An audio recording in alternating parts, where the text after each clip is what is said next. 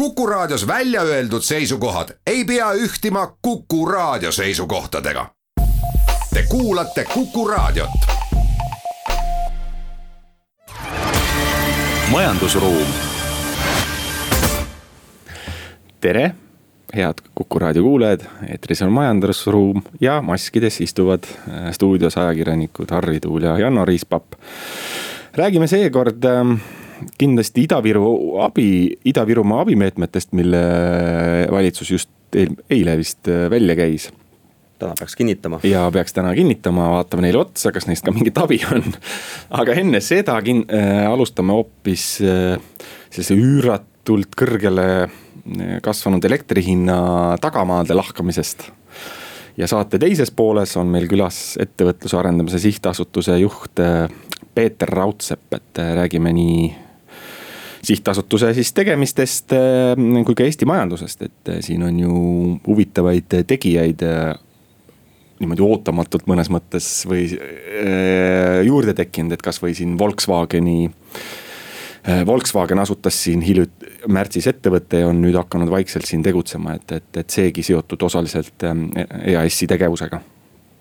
aga vaatame siis, see nädal hakkas nagu, see nädal on üldse väga huvitav olnud, et kas see oligi esmaspäev, eks ole, kui Google'i Google'i erinevad teenused kukkusid kokku ja elektri hind Eestis, seal ei ole küll omavahel seost, aga, aga, aga lihtsalt huvitav, ma lihtsalt tahan välja tuua, et oli huvitav päev, et samal päeval siis ka elektri hind oli. jah, siin tehti ka nalja, et võib-olla siis kaugõppele läinud Eesti koolilapsed suutsid Google'i maha tõmmata et.... ja, ja ka elektri hinna üles tõmmata, aga, aga kui nüüd naljata, siis tõesti oli äh, mitmeid, mitte üksikuid tunde, vaid ikkagi mitmeid ja mitmeid tunde, kus elektri hind hüppas siis kahesaja eurole kilovatt-tunnist, et kuskil sihuke normaalne viiekümne ringis ja päeva keskmine hind oli saja euro ringis ja noh ütleme niimoodi, et ega mõnes mõttes midagi ei üllata, kui ütleme, oled elektrituru asjadega kursis, aga jällegi üks hea põhjus natukene vaadata sisse, et mis, miks sellised asjad üldse juhtuvad sina, Janno, uurisid seda siin põhjalikult, et. jah, ja. vist võib mitmest nurgast sellele läheneda noh, üldiselt ju tegelikult on, äh, tootjad arvestavad sellega, millised on ilmaolud, kui palju tarbijad tahavad äh, elektrit saada ja samamoodi siis ka need elektri edasimüüjad või ostjad, et tegelikult börsil üldiselt selliseid väga suuri hinnahüppeid või kõikumisi ei teki, kui on selline nii-öelda, need kaks osapoolt on omavahel kuidagi balansis aga probleem tekibki siis, kui mingisugune suur tootmisüksus, kui sul ikka tuumajaama reaktor on audis mõne aja äh, siis ongi arusaadav, et seda võimsust peab hakkama kuskilt, eks ole, kompenseerima, et ikka inimestel toas pirnid põleksid. ja seetõttu peab siis kiiresti panema käima mingisugused teised võib-olla jaamad, näiteks põlevkivi või söejaamad, mis on pisut äh, kallimad või saastavamad. Ja see tulebki, sellel ongi nagu oma hind. Ja kui sul ei ole tuult, eks ole, kui sul ei ole päikest, siis on ka taastuvenergia öö, äh, osakaal kõvasti väiksem ja niimoodi need hinnahüpped tekivadki no teinekord on veel üks pudelikael, näiteks võib juhtuda selline asi ja mis on reaalselt ka juhtunud, on mõni, ütleme, ühendus, kas on katkeb või läheb remonti. ütleme näiteks Soomega, et siis me oleme põhimõtteliselt noh, kuigi Soomega on nüüd kaks kaablit, aga ikkagi, kui üks on Äh, nii-öelda kui... hoolduses, siis on siin kas suvel või millalgi oli ka selline juhtum, kui ühel päeval viskas ka samamoodi hinna ikkagi üsna kõrgeks. jah, see oli suvel vist, kui Lätis vist, kui ma ei eksi, üks gaasielektrijaam kukkus äh, turult välja, sest et väikese tormi tõttu vist seal üks kõrgepinge liin läks lühisesse sisuliselt, aga samal ajal oli ka siis äh, Leedu ja Rootsi vahelise merekaabli rike.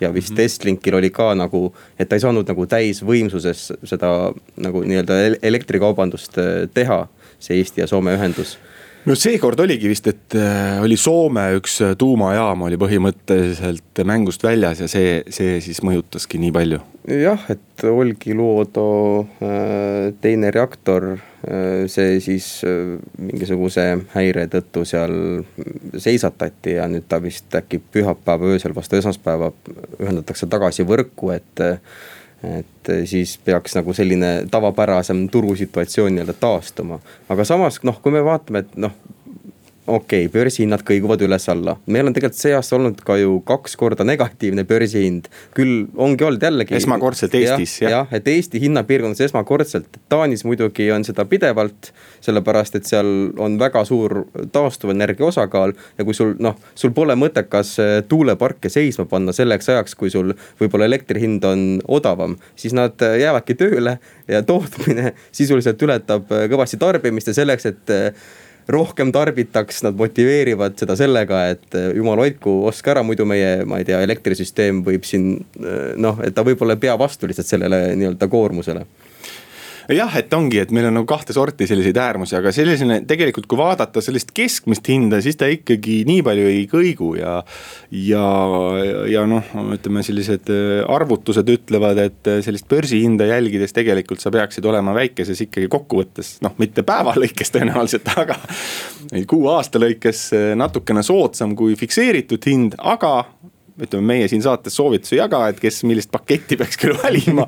aga noh, kes kardab sellist riski ja tahaks kindlat hinda, et siis on alati ju need paketid on, neid pakette on päris erinevaid, palju elektripakette, et sa saadki valida kindla hinnaga, et, et näiteks kui elekter täna on kakssada eurot. sina maksad ikka oma seda hinda, mis sul ähm, noh, kokku lepitud on. lihtsalt ka kui, kui elekter on miinus null koma null, eks ole, eurot, et siis null neli ütleme või mis see oli, see neli senti, eks. et, et ka siis sa maksad seda kindlat hinda, isegi kui elekter sisuliselt midagi ei maksa, et lihtsalt sellega peab arvestama. jah, et meil elekter oleks see aasta kallis olnud, et siin noh, seda tegelikult tunnetavad jällegi omal käel väga tugevasti Ida-Virumaa regioonina, et põlevkivielekter lihtsalt ei pääse turule.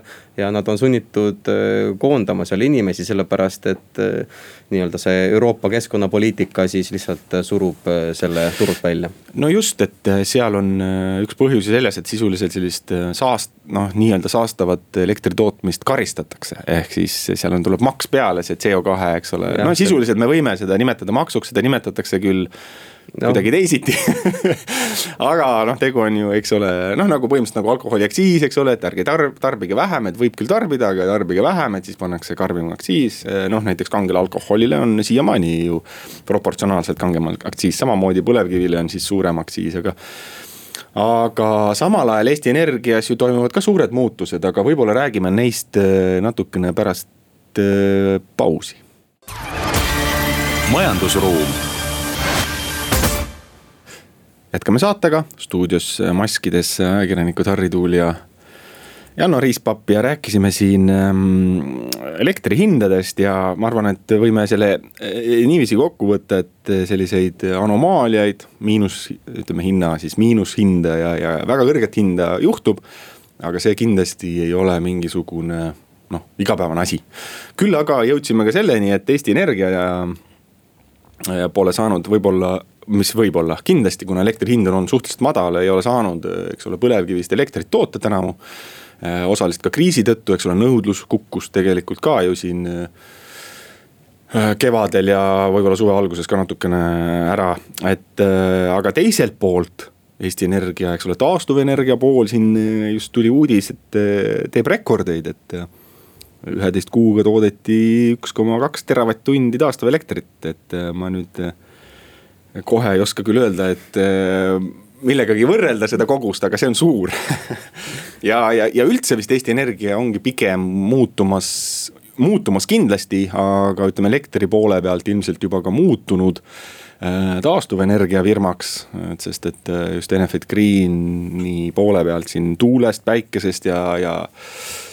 ja ka osaliselt noh, on ka koostootmisjaamad. koostootmisjaamad, eks ole, et, et, et äh, toode ongi juba taastuvatest, et äh, need muutused ka toimuvad aga ma ilmselt me jääme oma jutuga Ida-Virumaale, liigume edasi, järgmiste, see Ida-Virumaa on ikkagi selline piirkond, mitte ainult äh, energia tõttu, vaid nüüd ka koroonaviiruse tõttu, kuna noh, sisuliselt siin on hea ilmekas näide, mis Toila spa, et kus, mis oli välja müüdud sisuliselt ja nüüd siis, kuna kehtestati väga ranged piirangud, sisuliselt pandi Toila spa kinni, et siis kõik need külalised ka sealt. Äh, no äh, võib-olla mm, mis ilmselt äh, ettevõtjaid kõige rohkem selle olukorra juures nagu hämmastas, oli see, et see oligi kas eelmisel nädalal valitsus teatas, et siis äh, viiruse leviku tõkestamiseks me sulgeme siis äh, väga suure osa või pea kogu turismisektori sisuliselt.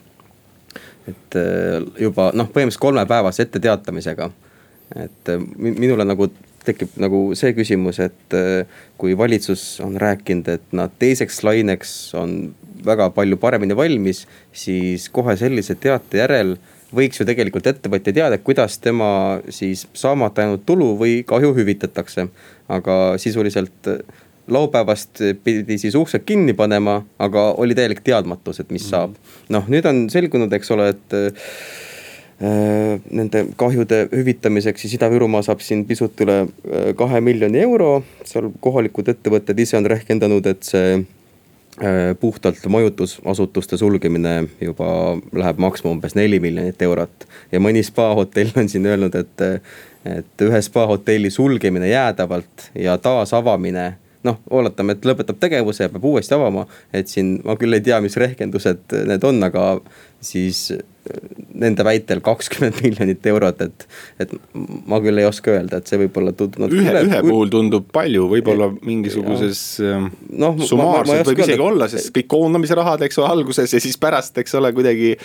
kõik see käivitamine uuesti, et see nüüd nii lihtne ka ei ole. noh, võib-olla selle võib raha saab isegi uue spa hotelli ehitada, ma ei oska, ma ei oska öelda, eks ole mis ma noh, ühelt poolt ma saan aru ja on õiglane vaadata nagu valitsuse otsa. Äh, ja, ja valitsusel võiks olla need meetmed, noh loomulikult ta võiks vaadata just seda sektorit, mis sisuliselt on, milles tegevusi ei ole, mingit viga ei ole seal ettevõtjad otseselt teinud, vaid on äh, lihtsalt keelati tegevus ühes valdkonnas ära ajutiselt äh, aga teiselt pidi me oleme siin saates ka vist arutanud, et ettevõtjad võiks ju noh noh, nad näevad ju, mis toimub, eks, et sa pead eh, täna oma äriplaanis arvestama sellega, et mingid hetked, noh, ütleme alates eriolukorra kehtestamist kevadel ja pärast seda noh.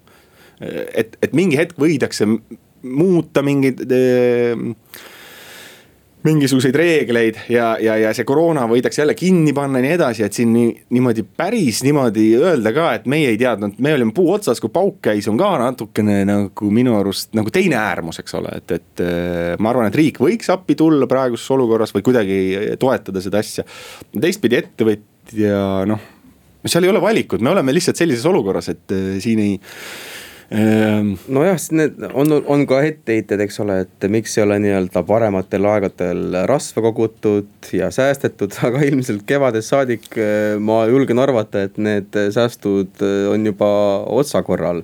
Ja kui sul keelatakse veel igasugune tegevus ära, siis võib-olla ongi sul väga raske no see noh, ütleme see säästujutt on see natukene selline osade sektorite puhul kindlasti töötab, näiteks pangandus, kus on isegi sellise säästude olemasolu või tagavarade olemasolu on lausa kohustuslik aga noh, ütleme, kui me mõtleme spaasid ja see, ütleme see teenindussektorit, siis seal palju ongi selline rahavoo peal on see kogu see üritus. madala marginaaliga, eks ole, et üldse konkurentsis püsida. et ja kui seal on ikkagi ka uusi, eks ole, hooneid või spaasid ehitatud Ida-Virumaal ja nii edasi, et seal on laenud peal, neid on vaja teenindada, et ega sa siis, kus sa seda.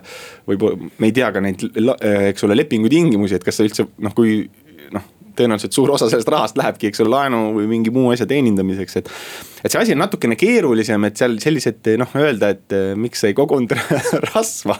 ja teistpidi, et, et ega noh, ega ise ka ju, et eh, on inimesi, kes säästavad viiskümmend ja kaheksakümmend protsenti oma palgast, aga aga tegelikult me ju tahame kõik natukene elada ja, ja ei näe ju kogu aeg ei ela kriisihirmus kogu oma elu, et, et ehm, et aga selles mõttes küll, et tänavu öö, alates kevadest küll nende kriisiasjadega lihtsalt tulebki arvestada, kasvõi nende maskikohustustega, eks ole, tuleb niikuinii maskid ära tellida endale ja igasugused puhastusvahendid, samamoodi ka see, et äri võib noh, ei noh, sa ei saa võtta seda loomulikuna, et nüüd et nüüd mul ongi see, äh, ütleme, minu majutusteenuse ettevõte on rahvast täis, eks ole, et võibki juhtuda, et homme ei lubata enam pooli enam või siis üldse noh, okei okay,, üldse pannakse kinni, on alati noh, nii must stsenaarium, et sellega ei taha arvestada aga. no niimoodi on pisut keeruline ikkagi, ma arvan, planeerida, kui sul öeldakse vahepeal, et noh, nüüd kuu aega ole kinni ja siis võib-olla kuuks ajaks teeme jälle lahti, et. noh, ikkagi ettevõtjad ootavad sellist etteaimatavat äh, majanduskeskkonda tõsi, tõsi, aga jällegi noh, vali-, noh valitsus, kas see valitsus, eks ole, on selle noh siin on ju väga palju ka hääli poliitilisel tasemel, kes oleks ammu kogu Eesti kinni pannud, eks ole, et kui me siin noh jälgime osasid, osasid arvamusi, et. Aga, aga ka see et, oleks etteaimatav majanduskeskkond, kui see teatud nii-öelda ulatuses hüvitatakse. aga siit me jõuame, võib-olla järgmine nädal saame sellest küll pikemalt rääkida, aga, aga Eesti Panga värske prognoos tuli siin just saate ajal, eks ole, välja, et.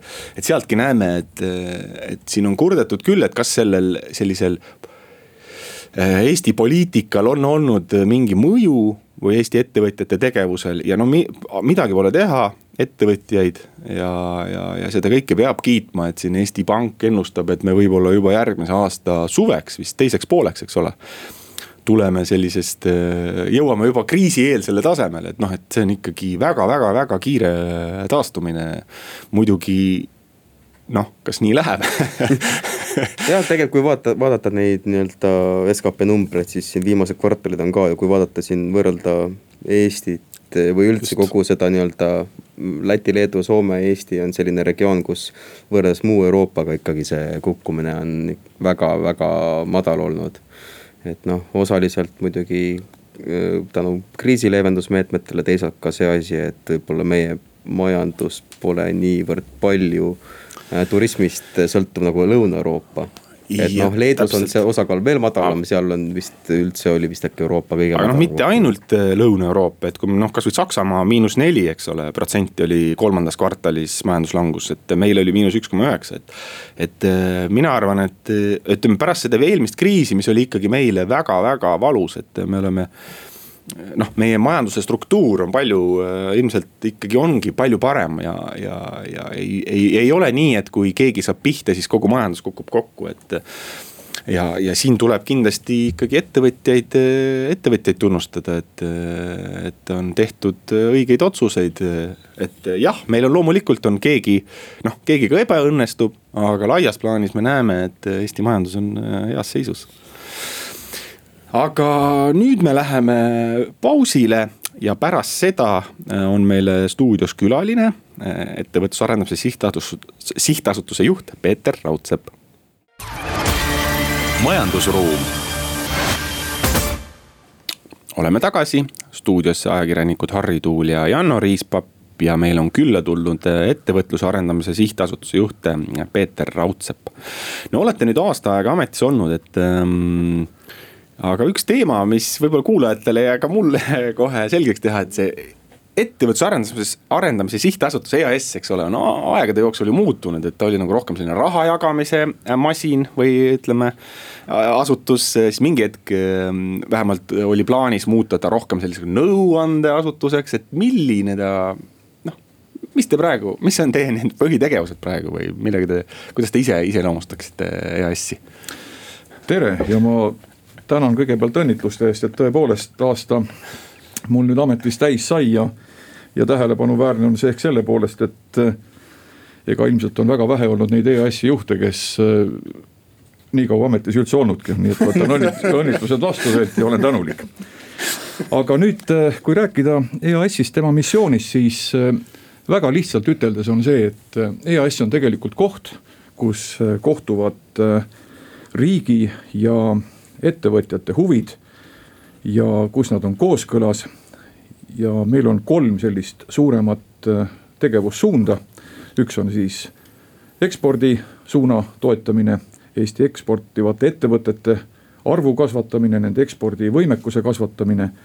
teiseks siis äh, suurema või kõrgema lisandväärtusega välisinvesteeringute maale toomine ja kolmandaks turismi riiklik turundaja roll ehk Eesti kui turismi äh, sihtkoha äh, selline turundamine ja, ja, ja muidugi ka siis turismifirmade äh, toetamine selle läbi, et, et, et aidata neil muuta ärimudeleid, vajalike muudatustega kaasa minna. ja see on väga õige, et nagu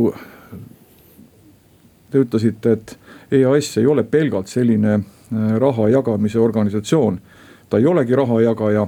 EAS on tegelikult tulemusele orienteeritud organisatsioon ja see tähendab seda, et me kindlasti mõõdame tulemusi aastate möödudes ka nendest aktsioonidest, mida me oleme teinud. ja oleme rahul siis, kui meie kliendiportfell, kuhu kuulub seal umbes seitsesada ettevõtet, näitab Eesti keskmisest palju paremaid tulemusi no kui te ametisse astusite eelmise aasta detsembris, ega siis sellest koroonaviirusest eriti keegi veel ei teadnud, et see oli Hiinas natukene salajas hoitud salajas hoitud sündmus, eks ole, et küll aga vist oli juba toimunud, aga nii, aga äh, märtsis jõudis see Eestisse, kuidas see ettevõtluse arendamise sihtasutuse tööd ja, ja tegemisi mõjutas? ma vaataksin seda nagu kahes vaates, et, et, et esimene vaade on see, et äh, organisatsioonina me hakkasime selleks ettevalmistusi tegema.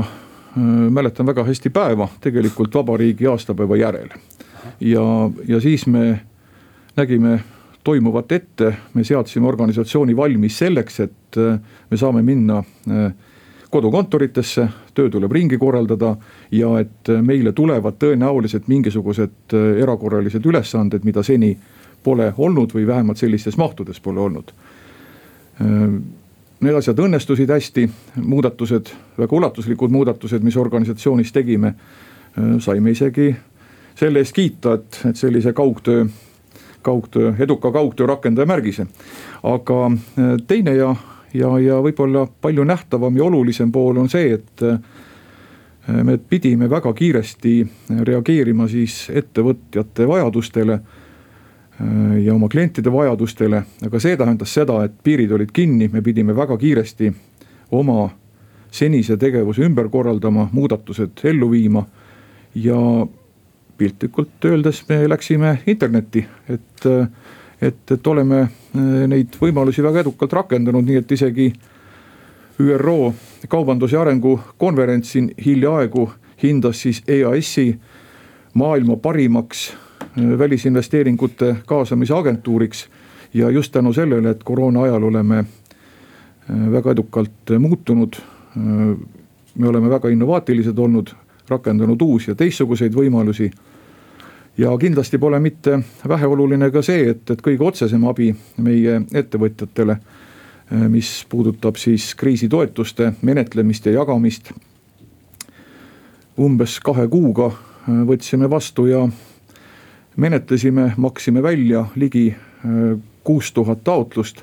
tavatempo oli siiamaani olnud umbes viiskümmend taotlust kuus, nii et kiiresti ümber korraldatud organisatsioon, äh, väga kõrge äh, motivatsiooni ja ja, ja töökultuuriga võimaldab niisuguseid asju ellu viia. Te ütlesite, et ettevõtjate või noh, ootused või sellised äh, muutusid ka, et mis suunas või kuidas? siin on nüüd paar sellist, sellist olulist märksõna, et, et, et esiteks hakkas pead tõstma protektsionism ja meie eksportijad äh, hakkasid tundma seda, et, äh, et miski nagu ei ole enam endine. Äh, et, et eelistatakse tegelikult kohapealseid ettevõtteid noh, sellistel poliitilistel põhjustel. sellele tuli kuidagi, kuidagi vastu minna ja rakendasime sealjuures siis oma välisesinduste töötajaid ennekõike me oleme kokku siis seitsmeteistkümnes riigis oma välisesindustega.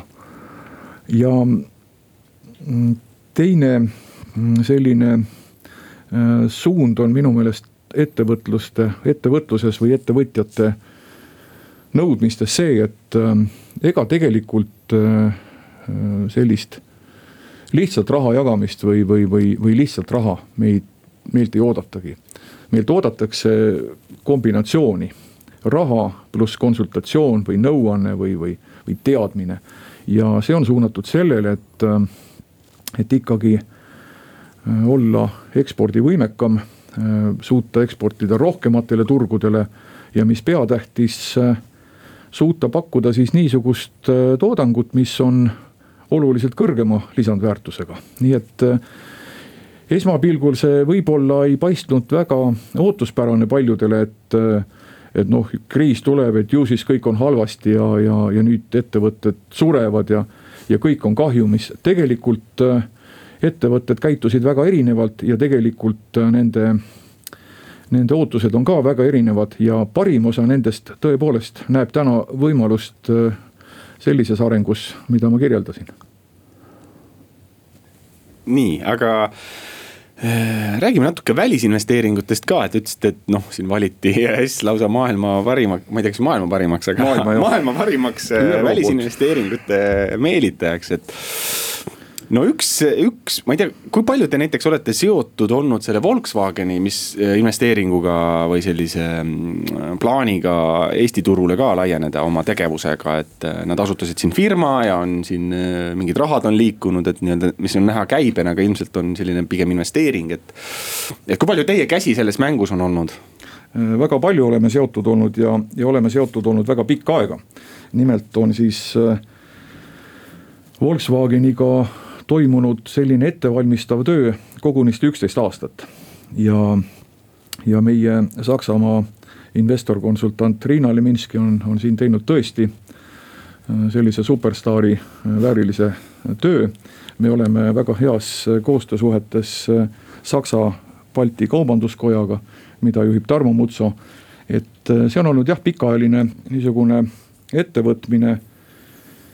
ja Volkswageni plaanidesse kuulub siis see, et äh, väga suurel määral äh, toota oma autodes siis tulevikus toimetav tarkvara ise, mitte seda sisse osta ja selleks on siis ette nähtud investeeringuid äh, teha viie aasta jooksul ligemale kaheksakümmend miljonit eurot.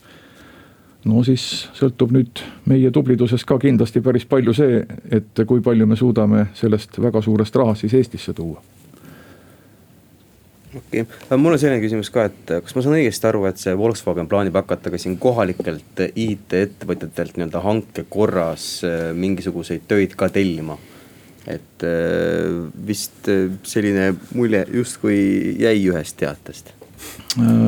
see võib päris õige mulje olla, siin on, siin on nüüd muidugi nii, et, et, et EAS käitleb väga paljude oma klientide informatsiooni ja ja, ja ega me suhtume sellesse hästi suure eh, hoolsuse ja, ja delikaatsusega, et ega, ega ma Volkswageni plaanidest eh, nii eh, tegevuste kui, kui rahalistes mõistet, mõistes väga palju rääkida ei tahaks, et, et see on see, see on Volkswageni kontserni oma asi. arusaadav, aga kas sel aastal on veel võib-olla mõni selline suurem või märgilisem liikumine olnud välisinvesteeringute mõttes, mis võib-olla on radari alt läbi läinud aga on olnud selline märgiline investeering kuskile Eesti majandusse.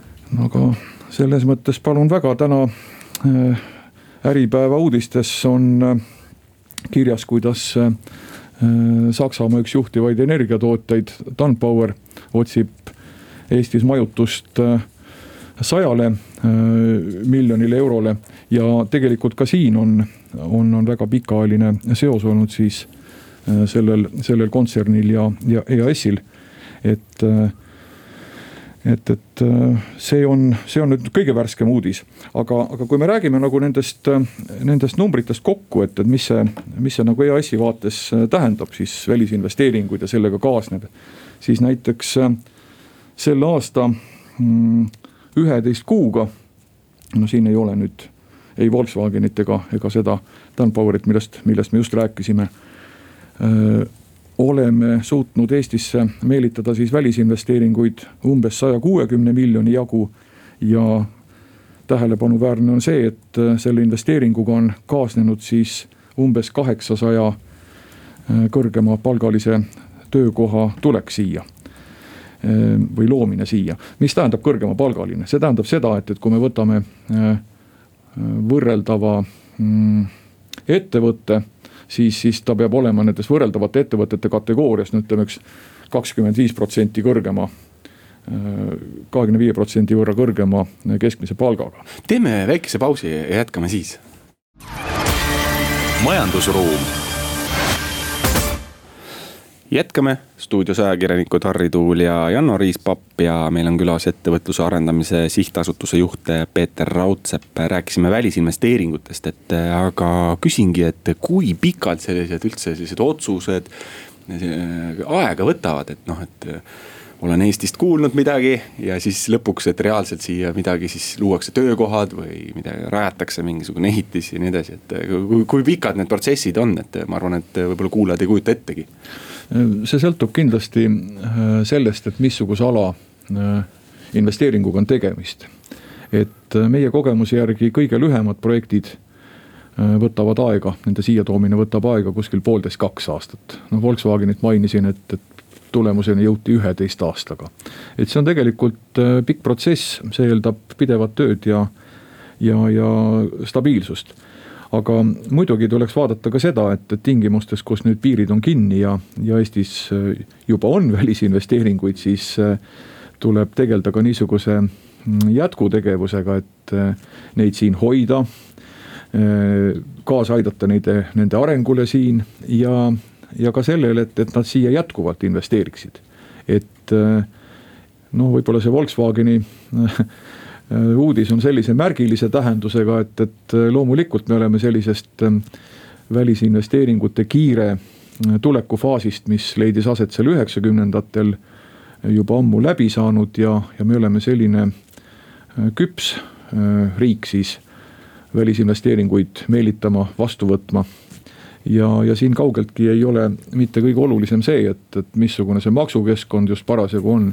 vaid esikohal on ikkagi see, et äh, missugust tootlust on siin võimalik saavutada, et, et missugune on see tööjõu ja spetsialistide kvaliteet. aga ma ütleks, et tegelikult Eesti ettevõte ettevõtlus või üldse on arenenud isegi sellisele tasemele, kus ma ka Eesti ettevõtjad ise vaatavad väljapoole, et kuhu investeerida, et kas te seal ka kuidagi abiks olete? absoluutselt, et, ähm, et tegelikult äh, ega Eestis selline äh, majandusmudel või majandamise mudel, et et äh, toome investeeringu siia sellepärast, et siin on odav tööjõud, siin on odav toota ja siin on palju odavat tööjõudu, siin on äh, palju toorainet. siin on leebed keskkonnanormid, no mitte midagi niisugust ei ole ju. et, äh, et niisugused investeeringud äh, või mudelid, mis eeldaksidki odavat tööjõudu ja, ja tooraine siia toomist ja, ja, ja toodangu siit väljaviimist, et siia kohapeale jääks ainult keskkonnaalane selline jalajälg. see kindlasti ei tööta, et see on päris mõistlik, kui Eesti ettevõtted investeerivad väljapoole Äh, tooksin siin esile näiteks äh, selle aasta, aasta ettevõtte Nortali, kes on näidanud erakordselt häid kasvunumbreid. Äh, sealjuures head kasuminumbrid ja kes on väga kiiresti laienenud sinna, kus on tema kliendid, kus on tema turg, aga, aga kus on ka kvalifitseeritud tööjõud, et, et, et loomulikult Eesti ettevõtjad peavadki Eestist välja minema vaatame nüüd turismile ka otsa, et see on teil ju ka üks, ütleme nendest kolmest eh, sambast, kui nii võib öelda, et eksport, välisinvesteeringud ja turism, et eh, no,. aga kas teil on juba infot ka, et kas võib-olla EAS hakkab siin siis kriisimeetmeid jagama näiteks Ida-Viru ja teistele mõjutatud ettevõtetele mm,? siin on olnud nüüd niimoodi, et äh, defineerime ära, EAS on äh, rakendusüksus äh, ja EAS ei ole poliitika kujundaja. et meetmed, mis välja töötatakse, nad antakse rakendusüksusele siis, siis, siis nii-öelda jagamiseks tema klientidele et äh, seetõttu me ei saa rääkida EAS-i meetmetest, et need on ikkagi riigi meetmed, need on riiklikud meetmed, nende väljatöötajaks on valitsus. ja EAS-i roll on seal olla siis äh, vajadusel eksperdi rollis, oma kliente tundes. nüüd äh, Äh, käesoleval aastal on, oleme siis äh, turismiettevõtetele neid toetusi jaganud äh, suveperioodil, sealt jäi üks, üks, üks jääk, mille jagamisega me praegu tegeleme. kahekümne viiest miljonist jäi viis koma kaheksa alles, sellega tegeleme praegu. see on nii-öelda siis nende toetuste teine laine, kolmas laine on kohe aasta algul tulemas ja see on, see on viis miljonit aga, aga selle taustal on veel tegevusi ja veel ähm, toetusi, et, äh, et äh, meie fookuses on ka selle turismisektori arendamine.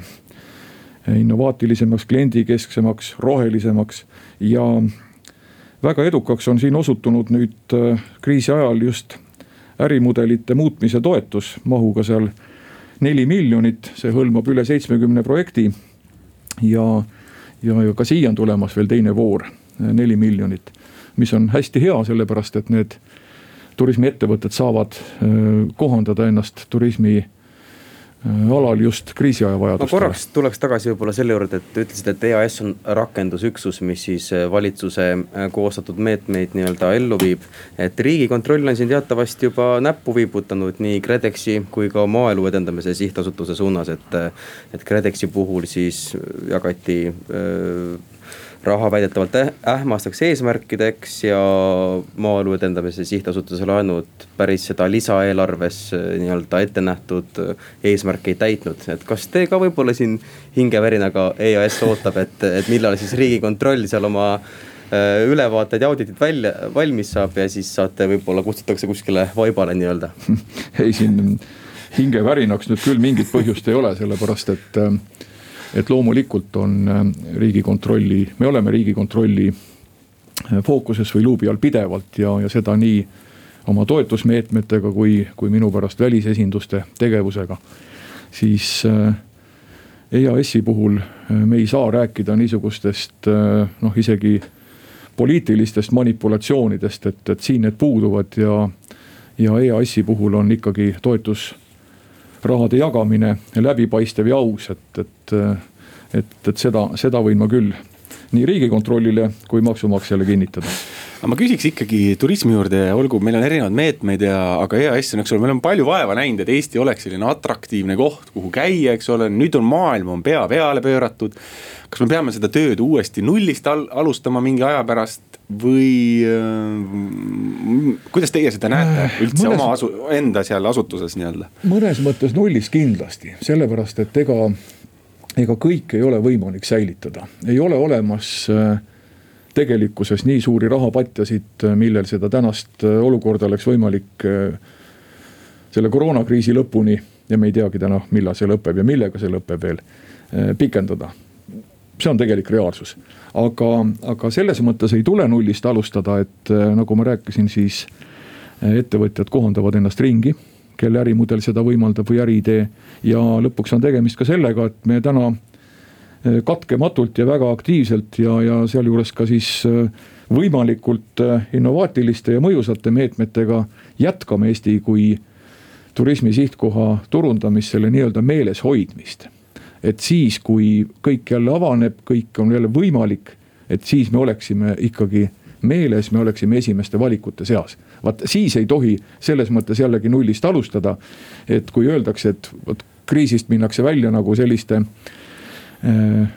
tugevamana, selleks peab ka midagi tegema, et tugevamana väljuda aitäh, meil oli külas ettevõtluse arendamise sihtasutuse juht Peeter Raudsepp, stuudios olid ajakirjanikud Harri Tuul ja Janno Riispapp. kohtumiseni majandusruumis järgmisel nädalal.